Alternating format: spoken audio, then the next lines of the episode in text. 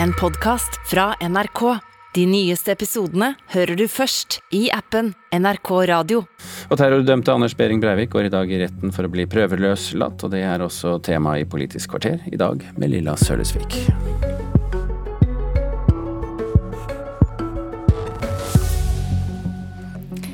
Tre lange dager i retten, og blir han ikke løslatt på prøve i år, kan Anders Behring Breivik prøve igjen til neste år, og året etterpå. Gir det mening at så alvorlige lovbrytere har rett til å be om prøveløslatelse? Fra eh, Ja, det er spørsmålet i Politisk kvarter denne morgenen, og Per-Willy Amundsen, du er allerede i ferd med å svare. Eh, Men la oss først eh, ta historien fra starten. Mannen som skjøt og drepte 77 personer på Utøya og i regjeringskvartalet, begjærer seg altså løslatt. Det har Anders Behring Breivik full rett til, ettersom han har sona minstedommen på ti år. Vurderingene, argumentene og konklusjonen i den saken det skal vi overlate til eh, Telemark tingrett, som har satt av de neste tre dagene til rettssaken. Men igjen altså, at så alvorlig kriminelle i det hele tatt skal ha mulighet til å begjære seg prøveløslatt, det er det du reagerer på, tidligere justisminister, nå leder i Stortingets justiskomité, Per-Willy Amundsen. Hva er det du reagerer på? Ja, Det er korrekt. Eh, Fremskrittspartiet ønsker at eh, de sakene som er en så ekstremt alvorlig karakter som eh, det eksempelet her eh, du viser til, eh, da skal vi ha en ikke ha en mulighet til å bli prøveløslatt. Så det er viktig å understreke at eh, 22. juli-terroristen eh, ble jo dømt etter de reglene som gjaldt den, på det tidspunktet hvor hans rettssak ble utferdiga. Siden det så har Fremskrittspartiet sørga for at eh, vi har stramma inn de reglene. I dag så er minstetida eh, 14 år eh, før man kan vurderes til prøveløslatelse. Eh, Og det er altså eh, mulig å gi forvaringsdommer i dag på de mest alvorlige type terrorhandlinger som vi snakker om her, til inntil 30 år. Så Fremskrittspartiet har flytta disse reglene betydelig i riktig retning. Men fra vårt perspektiv så skulle vi gjerne ønske at det ikke var mulighet i det hele tatt å bli prøveløslatt for de mest alvorlige forbrytelsene. Og hva er de mest alvorlige forbrytelsene? Er det en egen lov for Anders Behring Breivik og folk som dreper så mange mennesker, eller hva, hva skal til? Overhodet ikke. Det, vi har, lever i en rettsstat, og vi skal ha generelle regler som gjelder for alle. Eh, Men det er jo noen eksempler i norsk historie. Eh, 22. juli-terroren er eksempel på det, eh, som er av en så eh, grusom karakter eh, at eh, det strider mot enhvers rettsfølelse at vi eh, skal gi de mulighetene til å komme ut i samfunnet igjen. Dette er personer som ikke fortjener å få lov å eh, bli rehabilitert og tilbakeført til samfunnet. Eh, Vi skal ta debatten etterpå. Jeg skal først snakke med deg, Kirsten Bleskestad, som er leder i Dommerforeningen. Og som dommer i Asker og Bærum tingrett har du behandla en rekke saker der dømte forbrytere har begjært seg prøveløslatt. Hva er det som avgjør om en straffedømt mann som Anders Behring Breivik vil få bli løslatt på prøve etter ti år i fengsel? Det sentrale i en sak eh, som behandler en begjæring om prøveløslatelse, er å se om vilkårene for forvaring fortsatt er til stede. Og Da ser en hen til handlingens grovhet. En vurderer særskilt og på ny gjentagelsesfaren, og en ser hen til om den domfelte har endra seg, om hans sosiale og, og, og fungeringsevne er annerledes i dag enn den var da, da vedkommende ble dømt. Men forsvareren til Breivik har allerede vært ute og sagt at eh, det er ikke noe progresjon i soningen, og det er det han skal argumentere for når han skal be om prøveløslatelse. Hva, hva er det for et argument? Ja, Dette er alltid et vurderingstema i forvaringssaker, om det har vært en progresjon, om den domfelte har en større innsikt i eh, det som han har gjort eh, på tidspunktet når det prøves, enn han hadde den gang. Så, så, så dette er alltid et tema. Hvorfor trenger man tre dager i retten for å vurdere om Norges verste terrorist eh, skal få kunne løslates på prøve? Eh, Retten må avgjøre saken på grunnlag av det som kommer frem under forhandlingene. Og det vil nødvendigvis ta noe tid å redegjøre for saken, for bakgrunnen, for eh, Jeg kjenner ikke bevisoppgaven men, og hvor mange vitner som vil bli ført, men regelmessig så vil det bli ført vitner fra anstalten, fra kriminalomsorgen. En trenger en sakkyndig vurdering. Og, så blir det sluttinnlegg med prosedyrer. Så alt dette tar nødvendigvis noe tid, og en forvaringssak tar ofte to-tre dager, iallfall to. Terroristen som drepte 51 mennesker på New Zealand, han har ingen rett til prøveløslatelse. Han er dømt på livstid. Hva er det som er ideen bak denne, dette med å løslate folk på prøve? Forvaring er en tidsubestemt straff. Og da, når retten har fastsatt en minstetid, så er regelverket at en kan sende en begjæring om prøveløslatelse hvert år eller ett år etter dette har vært prøvd endelig tidligere, så kan en sende en ny begjæring. En ser vel kanskje det som en rettssikkerhetsgaranti. Skjer det ofte at uh, folk som er dømt til, til, forvaring for så alvorlige forbrytelser, slipper ut etter en uh, minste, tid på ti år? Denne saken er svært alvorlig og kan ikke sammenlignes med andre saker, så vi har vel ikke noe annet å se hen til. Nettopp. Takk skal du ha, Kirsten Bleskestad, leder i Dommerforeningen. Kamzy Gunaratnam, du er Utøya-overlevende, og etterpå så har du blitt stortingsrepresentant, og du sitter i justiskomiteen sammen med Per-Willy Amundsen. Eh, ønsker du å eh, bevare denne muligheten til prøveløslatelse? Det som er forskjellen på oss som, eh, og stater som eh, New Zealand f.eks., er jo at de har f.eks. livstid. Det har ikke vi, men vi har forvaring. Og forskjellen på livstid og forvaring er jo at du skal ha muligheten til å begjære eh, prøveløslatelse. Så kan vi jo si at dette kommer til å bli en uke det kommer til å blåse litt for, for mange og for noen av oss. Og jeg tenker at grunn, altså prinsippene i rettsstaten vår skal ikke bare gjelde når det er solskinnsdager, det skal også gjelde når det blåser, sånn som denne uka. Men uh, solskinnsdager, altså var, uh, her snakker du om Norges verste uh, terrorhandling. er det rimelig at vedkommende skal få prøve, begjært til prøveløslatt hvert år da, framover? Det er eh, urimelig at vi som politikere skal sitte her og kommentere en pågående rettsprosess, men prinsipielt så mener jeg at en dom er en dom, og forvaring har det systemet vi har eh, i Norge i dag. Og så mener jeg at vi gjerne kan gjøre som Per Willy inviterer til, nemlig å diskutere om vi skal ha dette eller ikke, på et prinsipielt nivå. Eh, men vi bør ikke sitte her og dra noen vilkårlige linjer basert på hva vi føler sjøl. Jeg lurer litt på det, Per Williamsen. Du snakker om alvorlige forbrytelser. Men hvis vi ser bort fra Behring Breivik, hvilke saker tenkte du på? Vi, terrorvirksomhet, massedrap, de mest alvorlige, forferdelige forbrytelsene vi kan se for oss, og som det heldigvis ikke er mange eksempler på i dette århundret.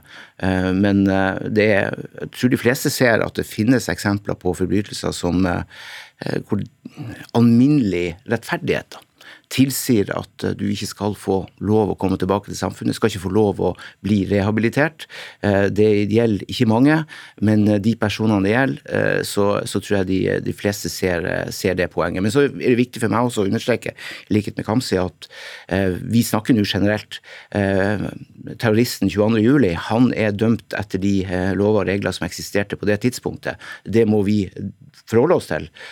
Men jeg mener at fremover så bør vi søke et eh, langt strengere regime, eh, hvor vi eh, ikke gir mulighet til å bli prøveløslatt for de som har begått de aller, aller verste forbrytelsene. Gunnar Atnan. Og jeg ser jo da til andre land som vi liker å sammenligne oss med, at strengere straffer og strengere kriminalomsorg har ikke ført til færre forbrytelser. Så en slik tankesett har jo heller ikke en forebyggende virkning på samfunnet vårt, og det mener jeg at vi skal ha med oss, da. Samtidig så tror jeg jo eh, ikke akkurat New Zealand er eksempel på et land som ikke har en, eh, en god rettsstat og et, eh, et, godt rettssystem. New Zealand er jo blant de gode eksemplene i den vestlige verden og i, i, verden totalt sett på eh, et godt, velfungerende eh, rettssystem.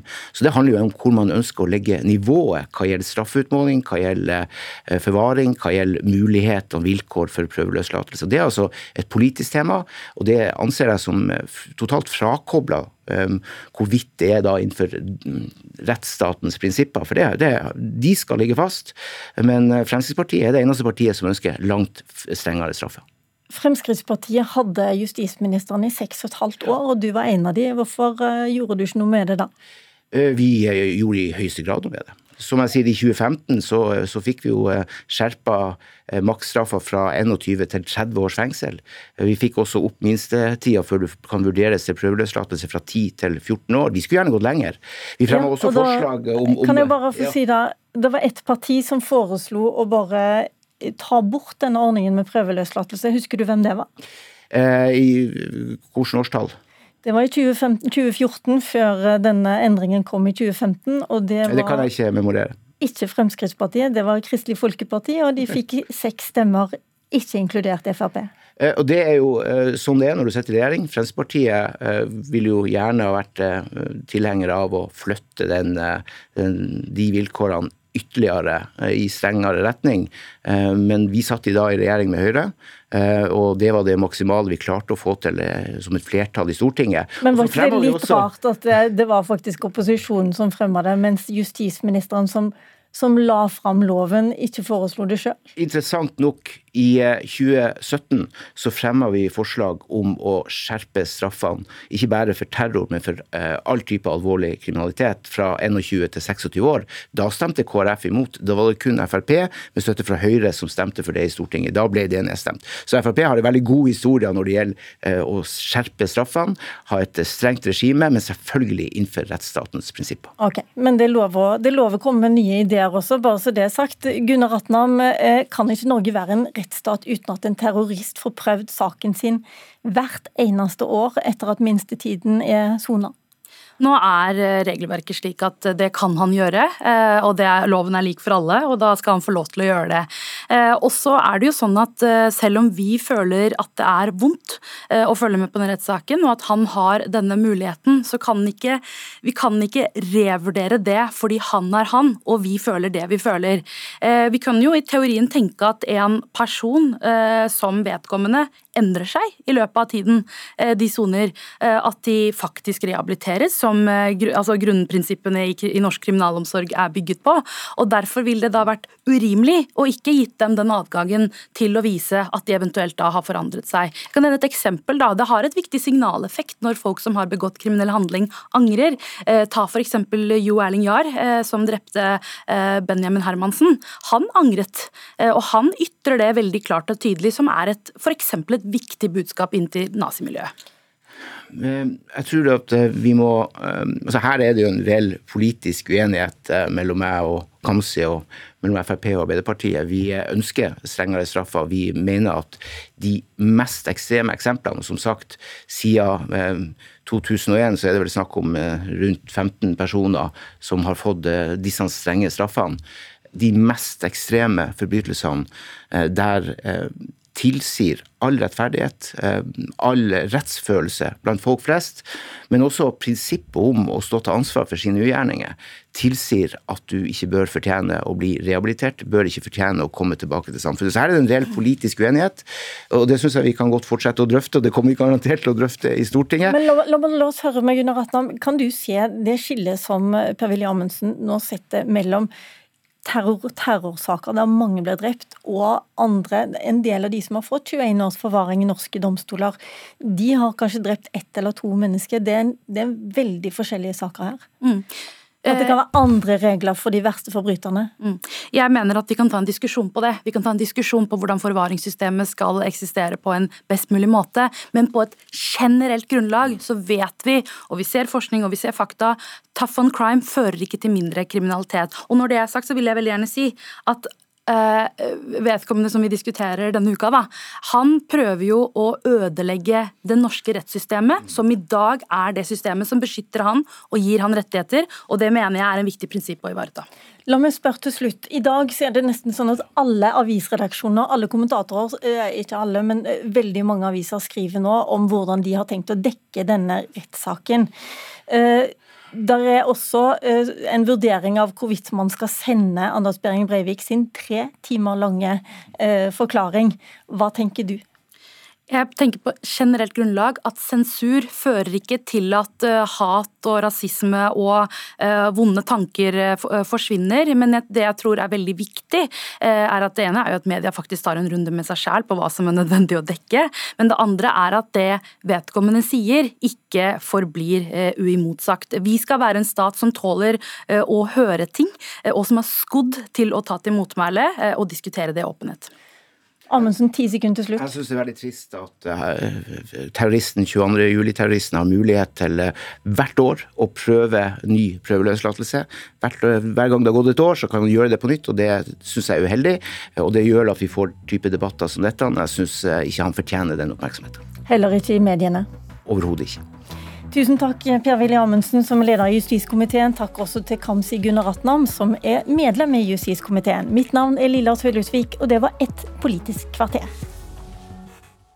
Du har hørt en podkast fra NRK. De nyeste episodene hører du først i appen NRK Radio.